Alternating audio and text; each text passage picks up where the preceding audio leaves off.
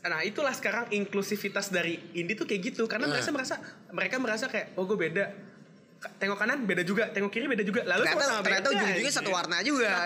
Malam terang bergolak bintang Berbicara tentang dunia yang semakin suram Dan lihatlah dirimu masih ke kawanmu Berjanjilah sampai mati untuk saja berdiri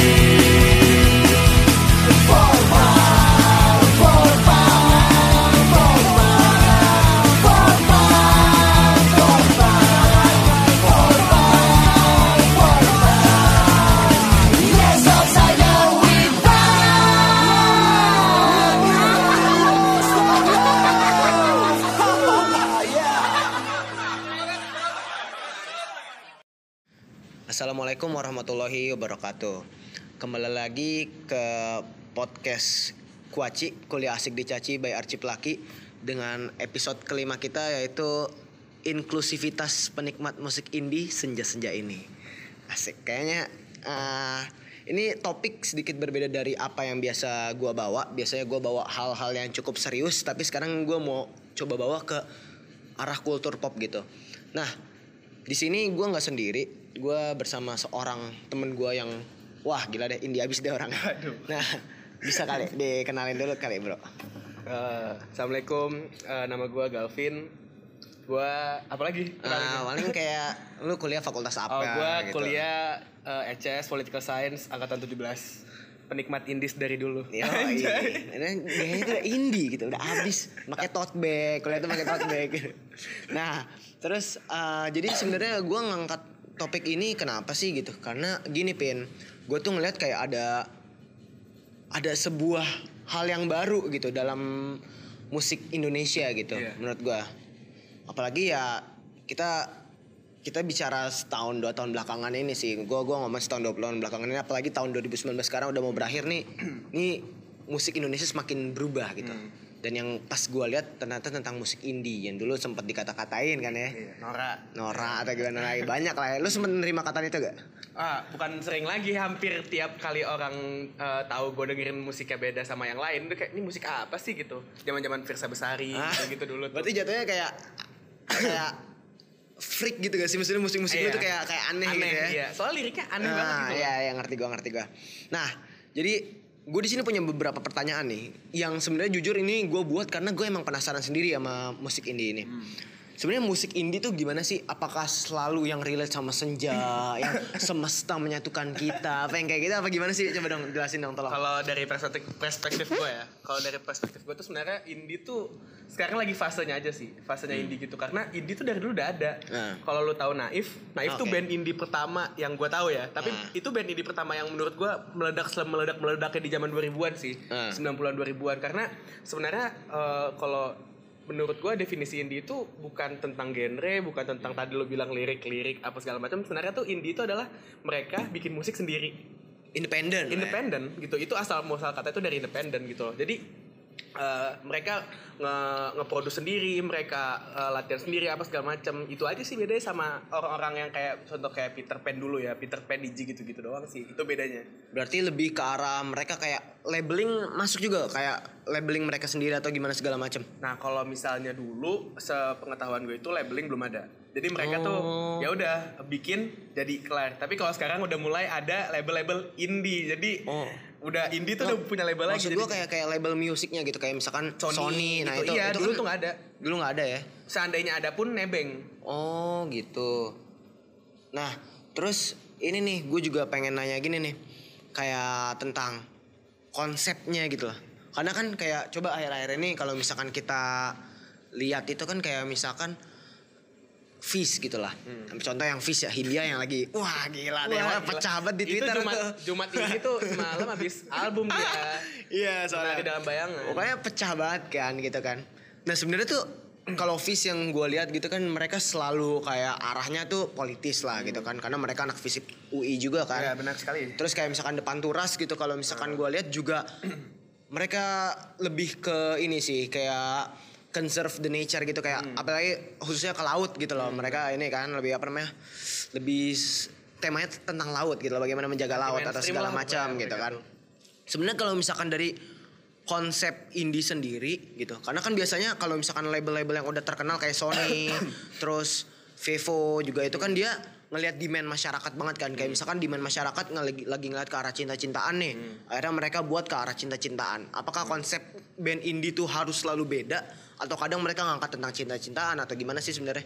Jadi eh, lagi dan lagi ya ini Hmm. dari guanya aja nih sepengetahuan gua. Kalau misalnya lu eh, punya band terus habis itu lu masuk ke kontrak label gitu ibaratnya. Oke. Itu ada dua kemungkinan. Yang pertama lu ngasih lagu ke dia terus nanti produser lihat oh bagus baru di ACC atau enggak lagu lu diubah. Itu kalau indie ya le- siapa label ada yang mau nggak? Kalau nggak mau gua produce sendiri. Kalau ada label yang mau ayo jalan. Jadi tahu kan tuh Hmm. bedanya apa musik indie sama musik yang Iya, iya. eh, label gede gitu. Ah. Sebenarnya masalah harus beda apa enggak sih? Enggak juga tergantung kalau misalnya Fizz Fizz itu Mas Baskara pernah bilang kita itu cuman kita itu cuman ngungkit tentang apa yang menjadi keresahan, apa yang menjadi pertanyaan. Kebanyakan lagu itu menjadi jawaban. Misalnya Hmm. contoh lagu cinta-cintaan.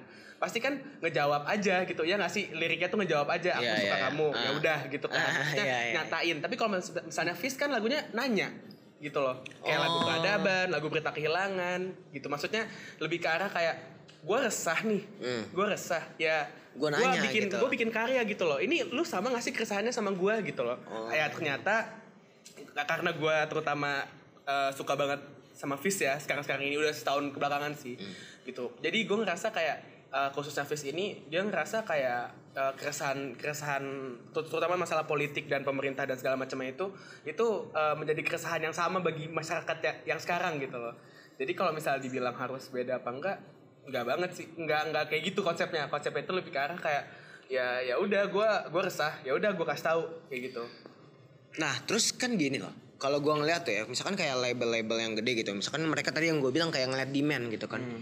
Jelas dong ketika gua kerja di sebuah uh, labeling musik yang udah jelas, ya pasti cuan gue gede dong. Benar. Itu jelas banget kan. jelas kayak banget Nah, terus ini gimana sih kayak misalkan tantangan mereka nih kayak misalkan lu ngebuat karya sendiri, duit lu tuh lu lu gimana gitu tantangan tantangan duit tuh gimana sih kalau misalkan dari band-band indie tuh?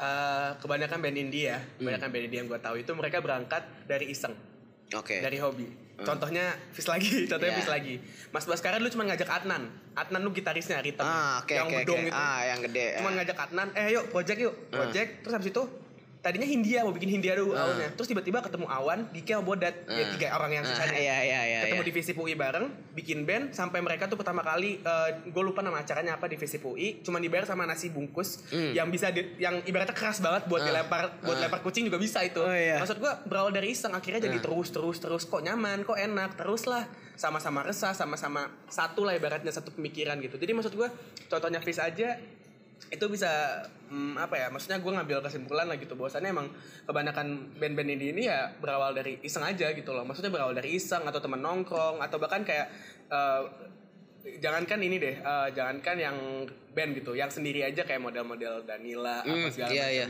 ya udah dia ya dia ketemu sama orang terus dia nyanyi terus kayak Lava Mas Lava kalau lu kenal ini ya dia tuh ininya tektokannya Danila lah Mas Gua, gua, Lava. gua kurang indie nih.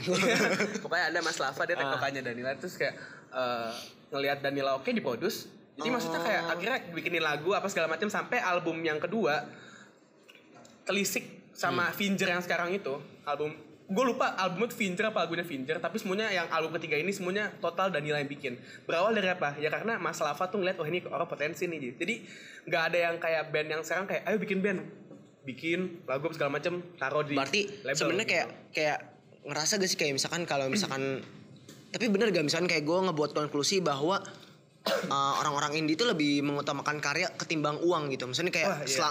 mereka karya dulu deh baru uang belakangan Bener, gitu ya. bener banget. Beda sama mungkin sebagian yang ini. Iya, beda gak sih jatuhnya? Iya. Apa bener gitu? Eh, du- eh, pas jadi pas konser gue lupa konser apa pokoknya yang pokoknya konser indie lah. Anjay konser indie ya. Hmm. Maksudnya ya biasa konser indie kayak ini efek rumah kaca suddenly tiba-tiba oke. tiba-tiba. Jadi maksudnya eh, ada di konser itu yang jadi apa namanya jadi eh, MC-nya itu Ajis Dua Ibu sama Gomblo. Oke. Nah terus dia itu Armada nonton. Apa sih Rizal Armada? Ya Oke. dikata-katain lah oh, apaan nih kok lu di sini kan lu bukan anak indie Oh, gitu oke, terus oke. ya Rizal Armada ngerasa ini cerita aja gitu. Gue dengerin dari banyak sumber lah. Terus kayak kok gue diginin padahal kan gue juga teman sama lu dulu gitu loh. Maksudnya kan gue juga eh, apa namanya gue juga ya penikmat aja gitu Iya. Kenapa- jangan mentang-mentang profesi gue beda sama ibaratnya kita beda musik gitu kan beda apa indie sama major label gitu jangan jangan diginiin gitu. Ya itu cuma omongan belaka aja sih. Jadi maksud gue kayak eh, kalau dibilang eh, demi demi cuan juga enggak juga tapi dibilang demi idealis juga enggak juga. Jadi mereka tuh tergantung aja sih menurut Ah, gua gitu, gitu loh. ya. Karena sekarang-sekarang ini pun didukung oleh karena udah mereka juga udah pada terkenal jadi ya cuan ngalir kayak terus gitu. Dari keidealisan mereka jadi orang oh Danila gue pasti suka apa pun lagunya. Ada tuh orang yang kayak gitu. Iya, iya, iya, Gitu. Gitu sih. Nah, terus nih menarik nih. Ini cukup pecah banget kemarin di Twitter tuh kan. Makanya ini relate banget sama judul gua gitu kan tentang inklusivitas. Apa sih inklusivitas itu adalah ketika kalau eksklusif tuh kayak lu tuh merasa bahwa diri lu dan setipe dengan lu tuh yang lu nggak bisa menerima orang dari luar gitu kan. Sedangkan inklusif tuh kan wah lu merangkul deh ke semuanya gitu kan. Nah, sebenarnya gue merasa kayak eh, akhir-akhir ini musik indie tuh jadi sebuah tren gitu loh, Vin. Kayak synchronize tuh, synchronize tuh gua gacor deh, pokoknya gila-gilaan gitu kan, synchronize fest kemarin kan.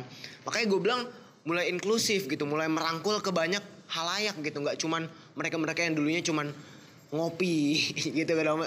Maksudnya nggak yang kayak gitu-gitu doang. Sekarang tuh udah, udah banyak banget. Sampai kemarin kayak kejadian kan yang waktu siapa namanya eh, Baskara apa deh yang kemarin tuh nyindir gimana ceritanya?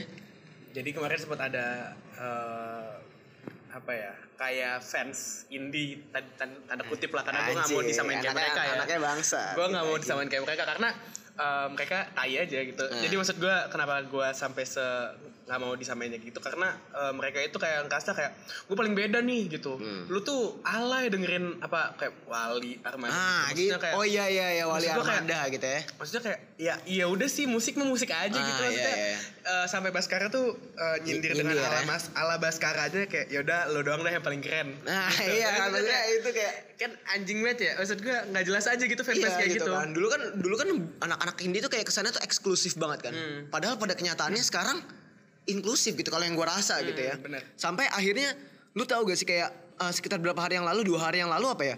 Itu Gojek tuh ngebuat lagu, Gelora. Itu tuh indie cuy. Hmm. Depan Turas sama Fish gitu.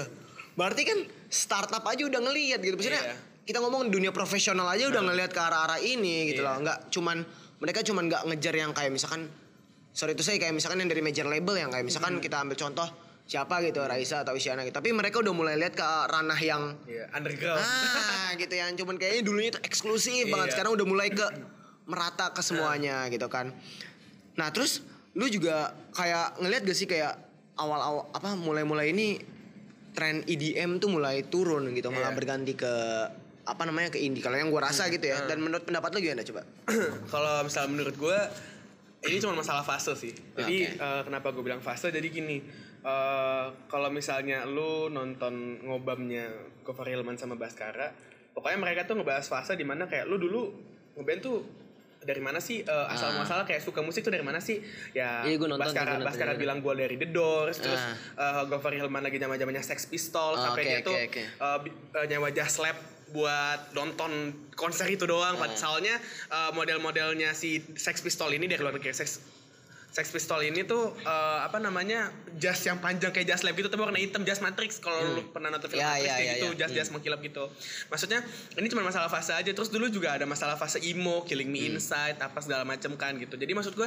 ya mungkin karena eh, orang ngerasa udah capek joget-joget kali ya. Jadi Nah. ngerasa kayak, eh kok ini enak, sen- apa duduk atau enggak diem terus kayak galeng-galeng kepala, eh, kayak liriknya tuh gua banget gitu loh. Nah. Jadi maksudnya gue ngerasa dari 2017 sih ya, 2017 2000 2017 lah, 2017-an sampai sekarang tuh emang lagi naik banget sih gitu. Karena emang yang gue lihat semakin ke sini tuh lirik-lirik indie tuh soalnya dijadiin quotes gitu loh. Menurut gue itu salah satunya juga iya, kenapa iya, iya, IDM iya. tuh mulai turun. IDM up nggak ada liriknya Ya, anjing. cuman lu cuman iya, hancep joget doang, lu hancep doang kan. Iya, sadar juga kagak Iya. gitu kan. Mabok paling otek gak jauh-jauh. Jadi maksud gue JP ribet iya maksud gue maksud gue tuh kenapa sekarang fasenya lagi indie? Karena emang lagi zamannya aja gitu banyak hal gitu faktor. Hmm. dari mulai eh, kalau misalnya gue kebetulan gue juga suka baca buku ya. Kalau misalnya kita ngomongin buku juga eh, Wattpad juga lagi naik naiknya banyak. Oh, iya, banyak iya, film iya, kayak, iya, iya, iya. eh, ini bukan dari Wattpad sih kayak NK Teci dibikin film. Hmm. terus Rintik Seduh juga udah mau di film-film dibikin film apa segala macam mereka itu naiknya bareng gitu loh. Dan mereka itu menurut gua di satu bidang yang sama yaitu apa? Masalah pengolahan diksi aja. Wih diksinya tuh kok bagus-bagus. Diksi lirik maksud gue ya. Gitu. Jadi kayak ya apa ya kayak bilang oh ini gue banget nih Iya sempat sedikit out of topic juga waktu apa namanya Wattpad tuh sempat kan naik terus kayak novel-novel tuh dari Wattpad semua. Lu kalau merhatiin. Nah, itu karena dulu uh, sedikit out of topic jadi kayak penulis-penulis novel tuh kayak dipajakin gitu, Pin. Hmm. Ini kayak dipajakin seingat gua ya.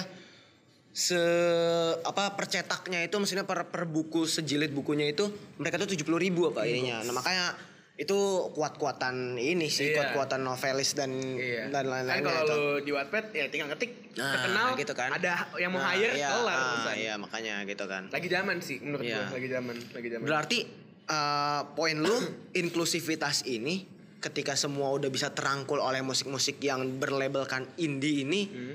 karena fase gitu ya. karena fase Tapi bisa gak ketika indie nggak menjadi indie? Itu itu pertanyaan gue loh. bisa Bisa gimana tuh maksudnya? karena eh, dari pertanyaan lu gini gue bisa gue bisa ganti katanya kan lu bilang bisa nggak indie tidak menjadi indie padahal indie itu artinya sendiri ya Oke, independen ah, mandiri ah, sendiri iya.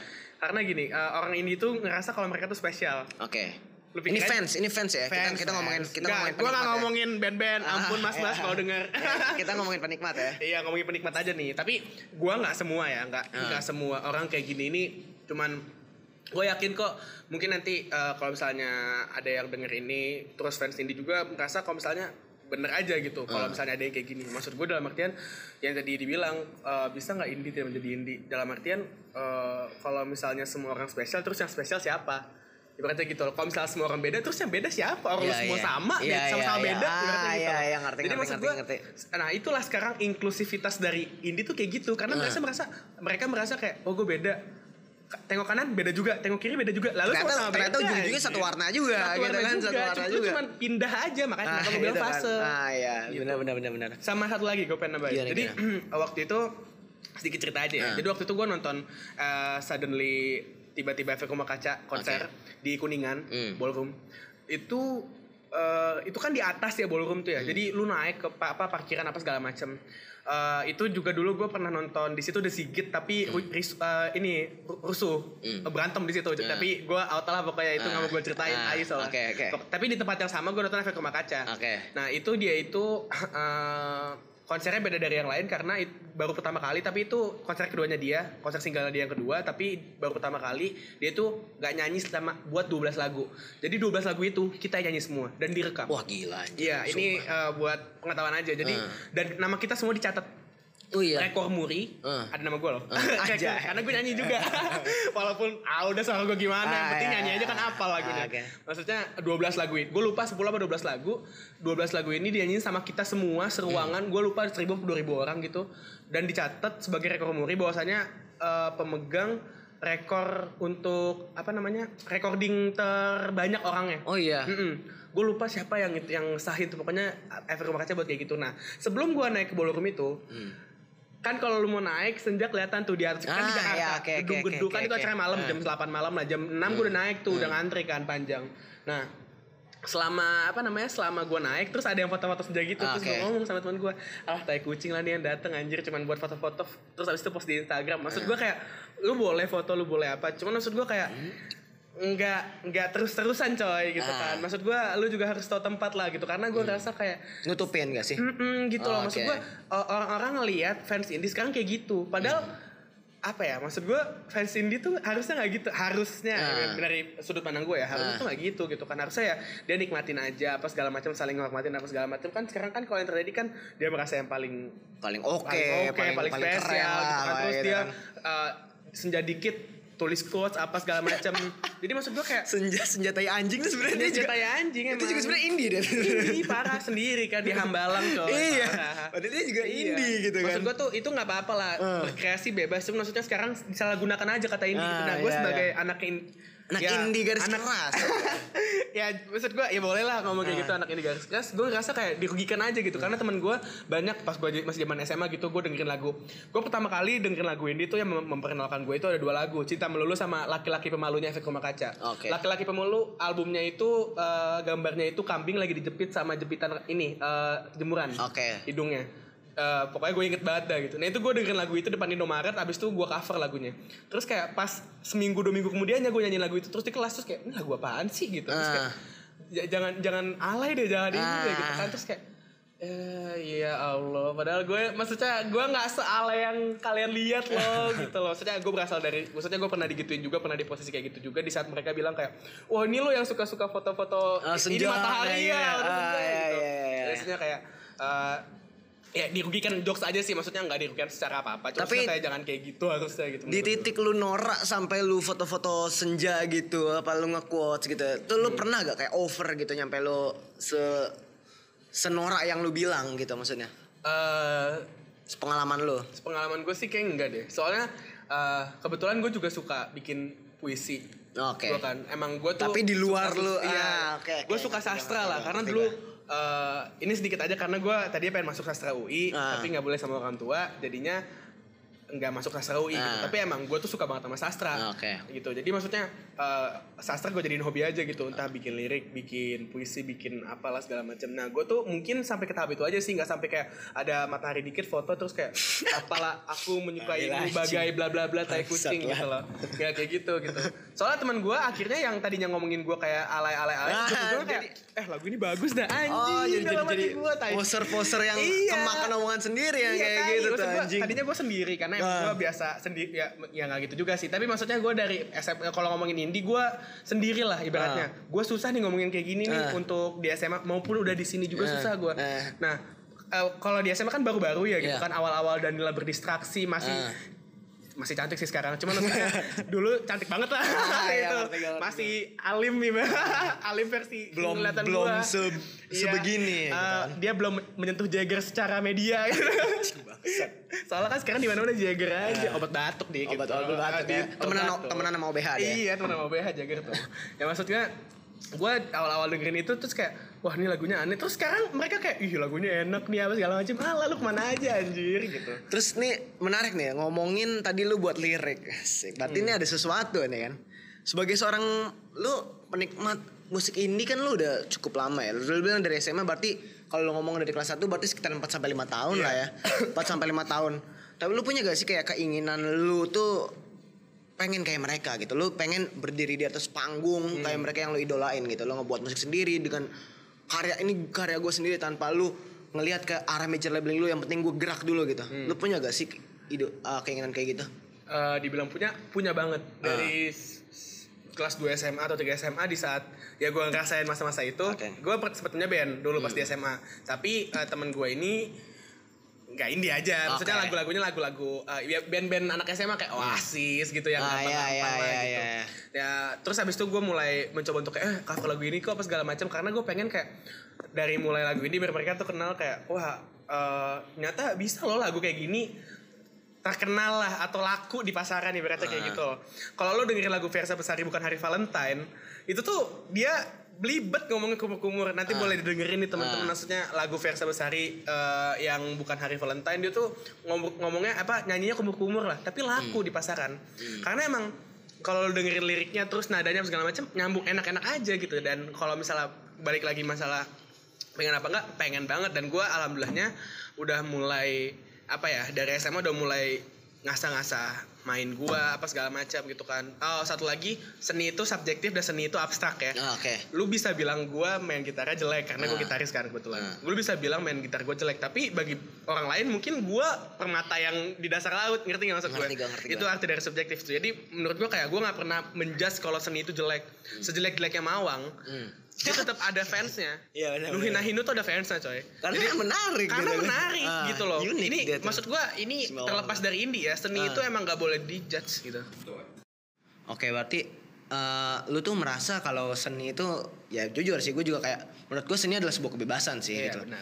Apa pun itu ya seni gitu. Hmm. Maksudnya ya sebuah seni, sebuah karya itu sebu- sebuah bentuk pembebasan menurut gue ya ide itu nggak pernah nggak pernah bisa dikekang oleh siapa pun gitu loh. Ide, ide pribadi adalah milik pribadi nggak bisa dikekang oleh siapa pun gitu loh. Nah tapi eh, nyambung gitu sama lu sempat bikin band di apa di SMA dulu ya. Tapi lu pernah gak eh, punya kayak keinginan untuk dalam jangka waktu pendek ini lu tuh bikin band gitu sama teman-teman kampus gitu. Eh, untuk sekarang ya ada lah gitu. Gue punya band, tapi sekarang lagi pada sibuk sama masing-masing. Oke. Eh, nama bandnya Source Master. Anjay. Anjay, udah alhamdulillah udah mungkin 3 sampai lima kali manggung Oh iya. di kampus. Seriusan Gitu, loh. Seriusan. Di mana ya? Di fakultas mana aja?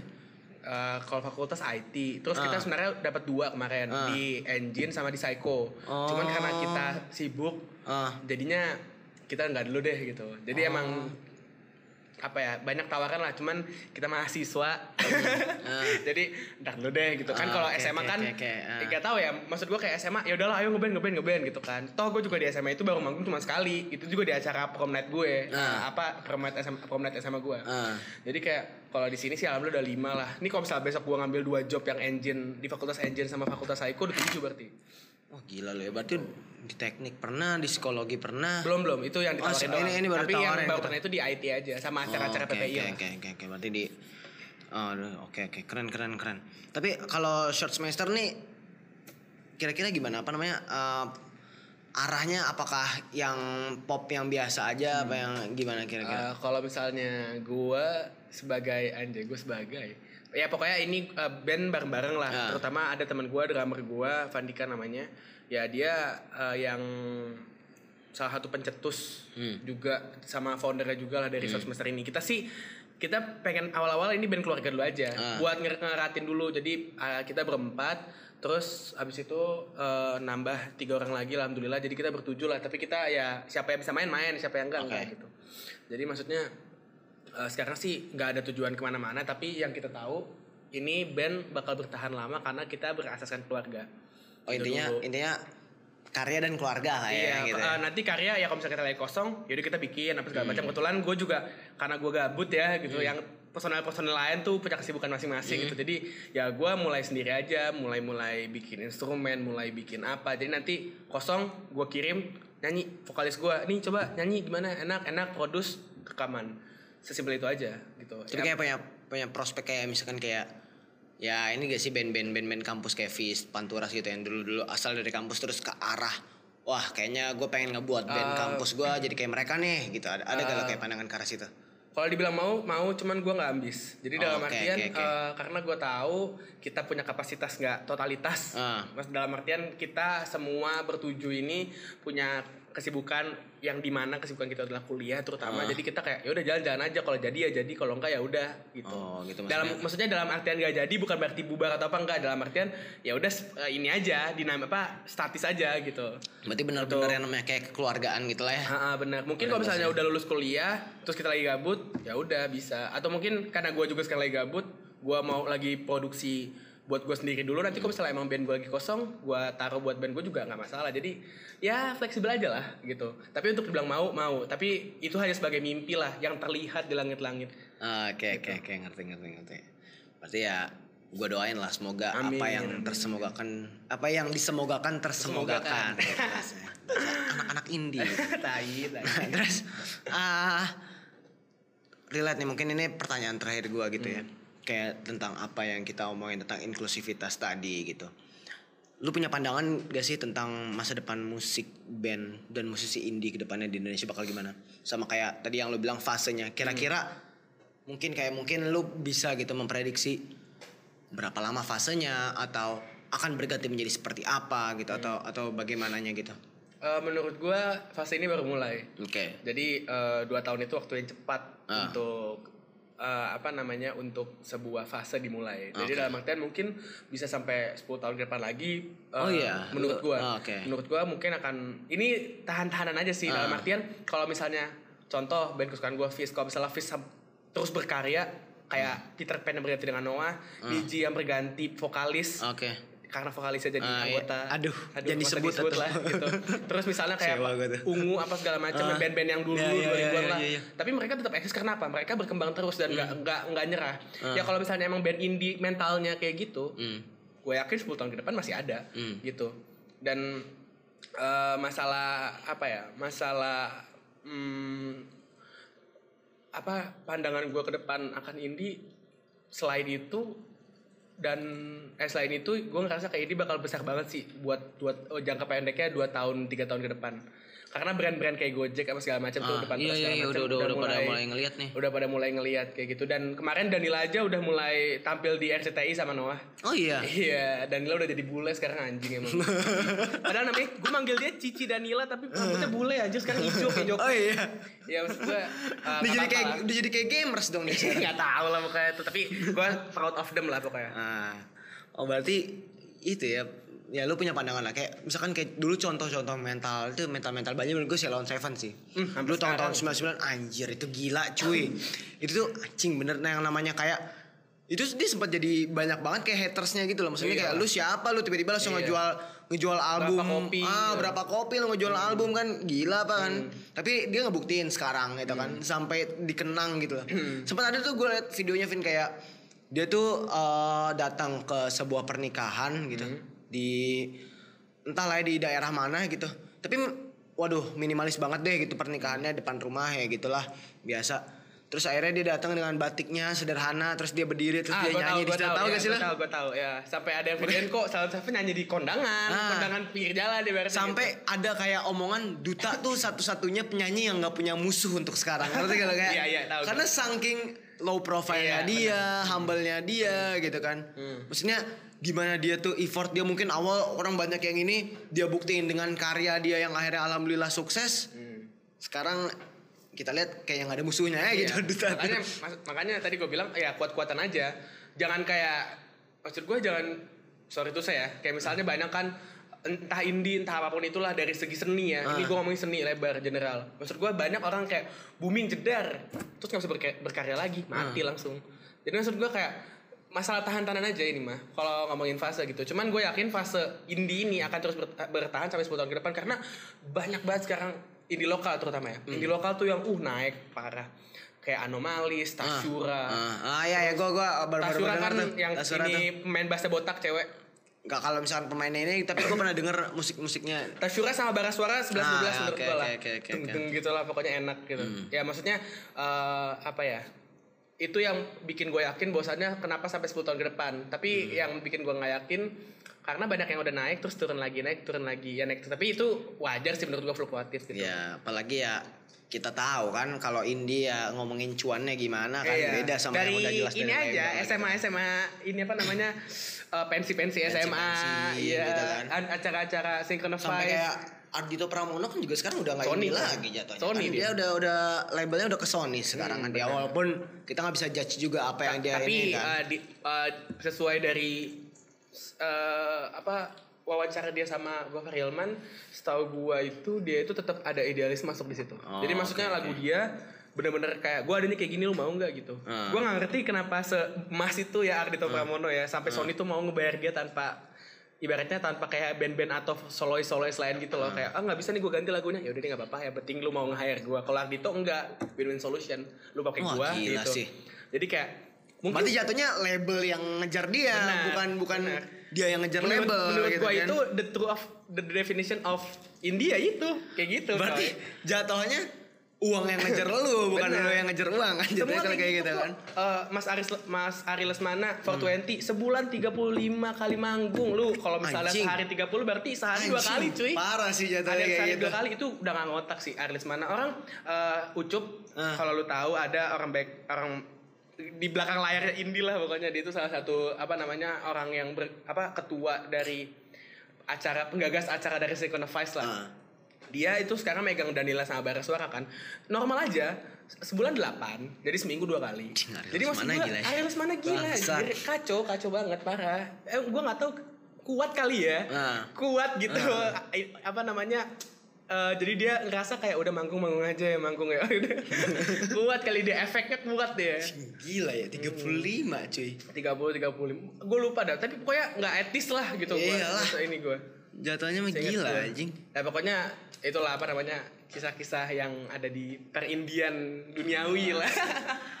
Oke kali ya mungkin gue cukupin sampai sini dulu kali ya mungkin tentang podcast episode kelima Kuaci kuliah asik di Caci sebenarnya Arci juga indie cuy Arci itu juga indie jatuh. emang, parah. independen gitu lah Arci pelaki itu oke mungkin sampai segini dulu uh, buat podcast episode kelima inklusivitas penikmat musik indie senja-senja ini. Uh, makasih banyak Vin ya. Uh, lo udah bisa hadir di podcast gue aman. untuk bisa recording. Semoga sukses selalu buat short semester ya. Short Amin, semester amin, lo. amin. semoga bisa semakin manggung. Mungkin ter kayak Aris mana lah bisa lah Ih, insya gila, Allah ya. gua kurus kali ntar ya udah. Oke makasih banyak teman-teman kuaci. Wassalamualaikum warahmatullahi wabarakatuh This podcast brought to you by Archipelaki.